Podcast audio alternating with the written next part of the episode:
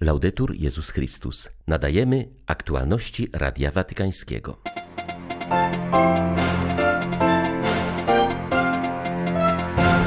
Uśmiech to kwiat rozkwitający w cieple miłości, powiedział papież na audiencji dla dzieci i młodzieży ze wspólnoty Jana XXIII.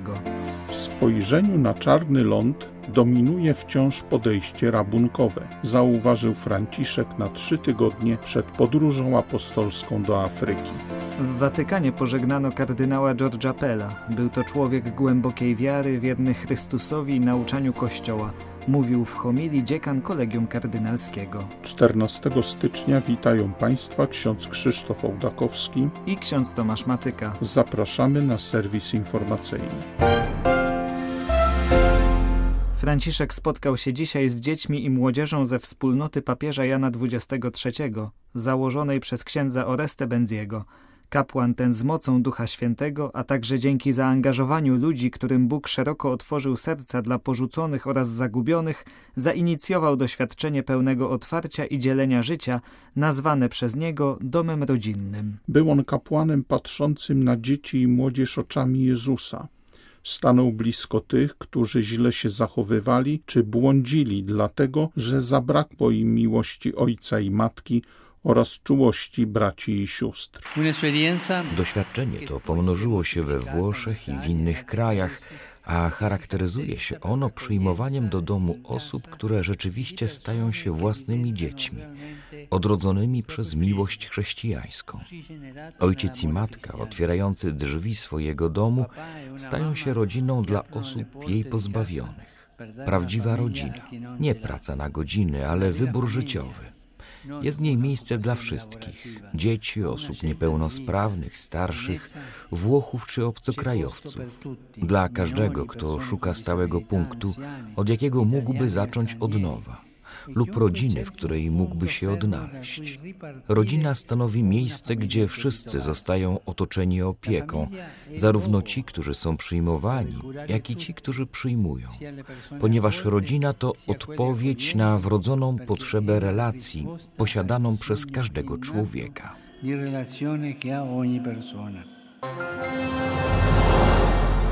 Nigdy nie zapominajcie o słuchaniu Pana Jezusa, trwając w milczeniu przed tabernakulum, mówił Franciszek podczas spotkania z alumnami papieskiego kolegium północnoamerykańskiego w Rzymie.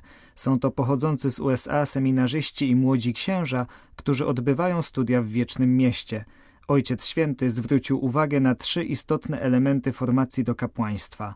Są to dialog, komunia i misja. Papież wyjaśnił, że pobyt w seminarium to przede wszystkim czas osobistego dialogu z Panem, przed którym trzeba otworzyć własne serce i z ufnością się mu powierzyć. Pomaga w tym codzienna modlitwa, medytacja Słowa Bożego, kierownictwo duchowe, a przede wszystkim trwanie w ciszy przed tabernakulum. Wszystko pozostaje jednak ukierunkowane na misję. Ten, kto spotkał Chrystusa, daje o tym świadectwo i przyciąga do Syna Bożego innych ludzi. Ilekroć Jezus powołuje mężczyzn i kobiety, robi to po to, by ich posłać, w szczególności do najsłabszych, do ludzi znajdujących się na marginesie społeczeństwa. Mamy im nie tylko służyć, ale także wiele możemy się od nich nauczyć. Ludzie potrzebują dziś, abyśmy wysłuchali ich pytań, ich niepokojów i marzeń, aby lepiej towarzyszyć im w drodze do Pana, który we wszystkich rozpala nadzieję i odnawia ich życie.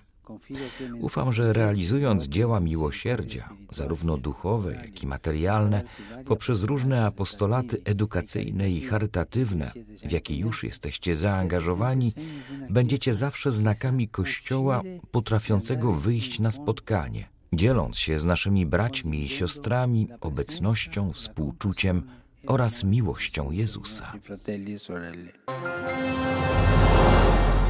Afryka jest oryginalna.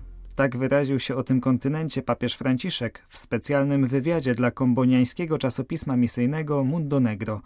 Na niespełna trzy tygodnie przed podróżą Ojca Świętego do Demokratycznej Republiki Konga oraz Sudanu Południowego opublikowano jego wypowiedzi dotykające takich tematów jak sytuacja na Czarnym Lądzie, co to znaczy być katolickim misjonarzem, czy sprawiedliwe relacje między społeczeństwami. Papież zauważył na przykład, że obecność osób z młodych afrykańskich kościołów w Europie może przyczyniać się do odnowy wiary i kultury na starym kontynencie. Podkreślał też konieczność przyjmowania oraz integrowania migrantów, zwłaszcza w przypadku, kiedy dalej ludność wielu państw cierpi z powodu wykorzystywania przez wielkie światowe potęgi. Pewna szefowa rządu powiedziała kiedyś, że problem migracji musi być rozwiązany w Afryce, aby stawała się coraz bardziej panią samej siebie.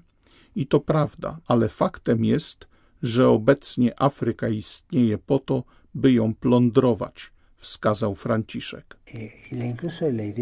Nawet idea Afrykańczyka jako osoby do wykorzystania, całe zbiorowe wyobrażenie o czarnych niewolnikach, którzy trafili do Ameryki Łacińskiej. Ta myśl, że Afryka istnieje po to, by ją wykorzystywać, jest najbardziej niesprawiedliwą rzeczą, jaka istnieje, ale tkwi ona w zbiorowej nieświadomości wielu ludzi, i trzeba ją zmienić. Po drugie, musimy zdać sobie sprawę z bogactwa, jakie posiada Afryka, nie tylko bogactwa mineralnego, ale także intelektualnego. Widzimy tylko bogactwo materialne. Dlatego historycznie starano się je tylko eksploatować.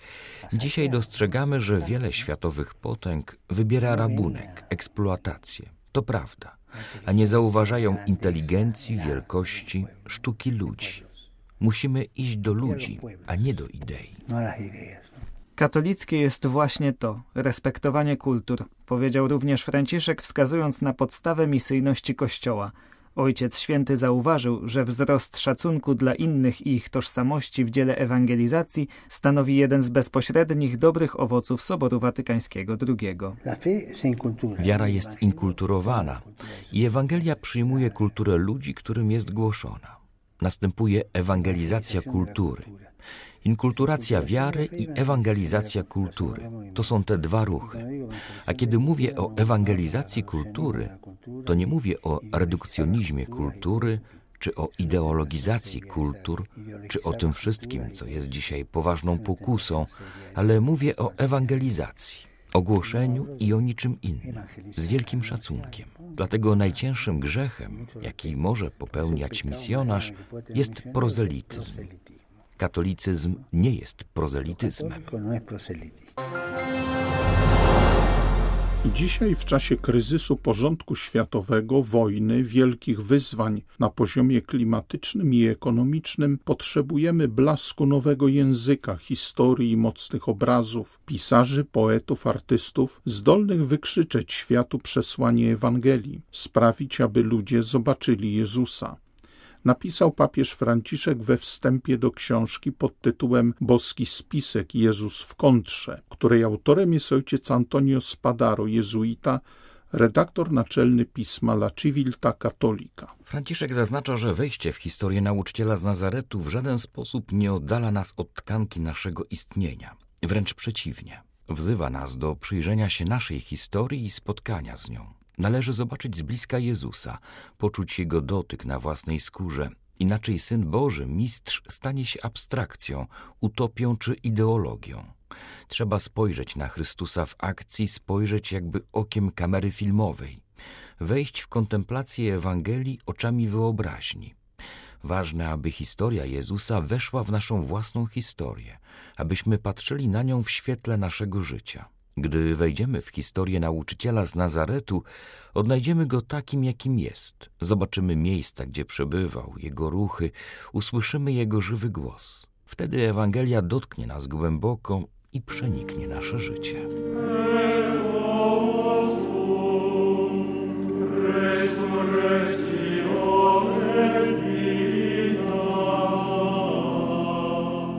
Bazylice Watykańskiej odbył się pogrzeb kardynała George'a Pella. Mszy przewodniczył dziekan kolegium kardynalskiego. Papież uczestniczył w końcowej części obrzędów. Człowiek głębokiej wiary i niezłomnej wierności nauczaniu Kościoła, którego zawsze odważnie bronił. Zależało mu tylko na tym, by być wiernym Chrystusowi. Mówił o nim w homilii kardynał Giovanni Battista Re. Przyznał, że w przypadku kardynała Pella spełniają się słynne słowa Ewangelii. Bądźcie gotowi, bo nie znacie dnia ani godziny. Jego śmierć dla wszystkich była zaskoczeniem. Kilka dni wcześniej uczestniczył bowiem w pogrzebie Benedykta XVI i pomimo swych 81 lat wydawał się w dobrej formie. Zmarł niespodziewanie po operacji stawu biodrowego na skutek powikłań kardiologicznych. Dziekan Kolegium Kardynalskiego przypomniał, że to właśnie w Bazylice Świętego Piotra kardynał Pell został w roku 1966 wyświęcony na kapłana. Jako biskup przyjął za swe zawołanie słowa, którymi święty Jan Paweł II rozpoczął pontyfikat. Nie lękajcie się. Jasno i z wielkim autorytetem kierował kolejno archidiecezjami Melbourne i Sydney, odznaczając się przy tym wielkim sercem i intelektem. Wielu pamięta jego duszpasterski zapał i umiejętność przemawiania do młodych, czemu dał wyraz jako gospodarz Światowych Dni Młodzieży w 2008 roku. Kardynał Re przypomniał, że od 2013 roku australijski purpurat doradzał Franciszkowi w ramach Rady Kardynałów, a rok później został prefektem sekretariatu do spraw ekonomii. Odgrywał kluczową rolę w wielu sytuacjach, był zdecydowany, miał mocną wolę i silny charakter, który niekiedy mógł się wydawać surowy, wspomniał dziekan kolegium kardynalskiego.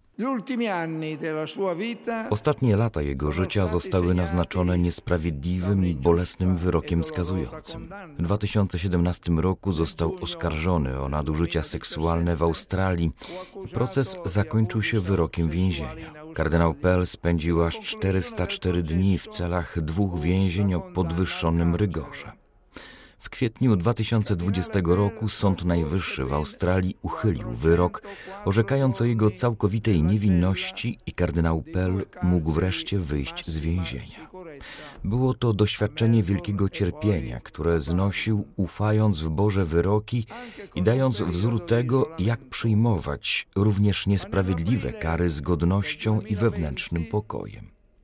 Wiara i modlitwa były dla niego wielkim pokrzepieniem i wsparciem w tej przykrej historii, chcąc pokazać, jak wiara i modlitwa pomagają w trudnych chwilach życia, a także by wesprzeć tych, którzy znoszą niesprawiedliwe cierpienia, opublikował zapiski ze swych długich dni spędzonych w więzieniu. Człowiek Boży i człowiek Kościoła odznaczał się głęboką wiarą i niezłomną wiernością nauczaniu Kościoła którego zawsze bez wahania i odważnie bronił, starając się tylko o to, by był wierny Chrystusowi. Jak sam często mówił, zasmucało go osłabienie wiary w świecie zachodnim i kryzys moralny w rodzinie. Dziś rozpoczyna się tegoroczna edycja Międzynarodowego Spotkania Biskupów w Ziemi Świętej. W tym roku delegacje odwiedzają Kościół w Jordanii. Spotkanie, które powstało z inicjatywy Stolicy Apostolskiej w 1998 roku, ma na celu wspieranie chrześcijan w Ziemi Świętej. W wydarzeniu będą uczestniczyli przedstawiciele z wielu episkopatów, m.in. z Niemiec, Stanów Zjednoczonych, Francji oraz Słowacji. W programie przewidziano m.in. spotkanie z szefem Caritas Jordania dotyczące sytuacji licznych uchodźców irakijskich i syryjskich. Uczestnicy wysłuchają też głosu młodzieży, spotkają się z członkami lokalnego duszpasterstwa oraz odwiedzą miejscowe parafie. Nie zabraknie również rozmów z dyplomatami i parlamentarzystami, a także pielgrzymek do miejsca chrztu pańskiego oraz na górę Nebo. Mark Madden, sekretarz spotkania, podkreśla, że ma ono cztery wymiary. Biskupi podejmują wspólnie modlitwę oraz swoją obecnością dają znak bliskości Kościoła powszechnego z lokalnymi chrześcijanami. Ponadto po powrocie do swych krajów działają na rzecz swych braci i sióstr z Ziemi Świętej oraz promują pielgrzymowanie do miejsc świętych. Były to aktualności Radia Watykańskiego. Laudetur Jezus Chrystus.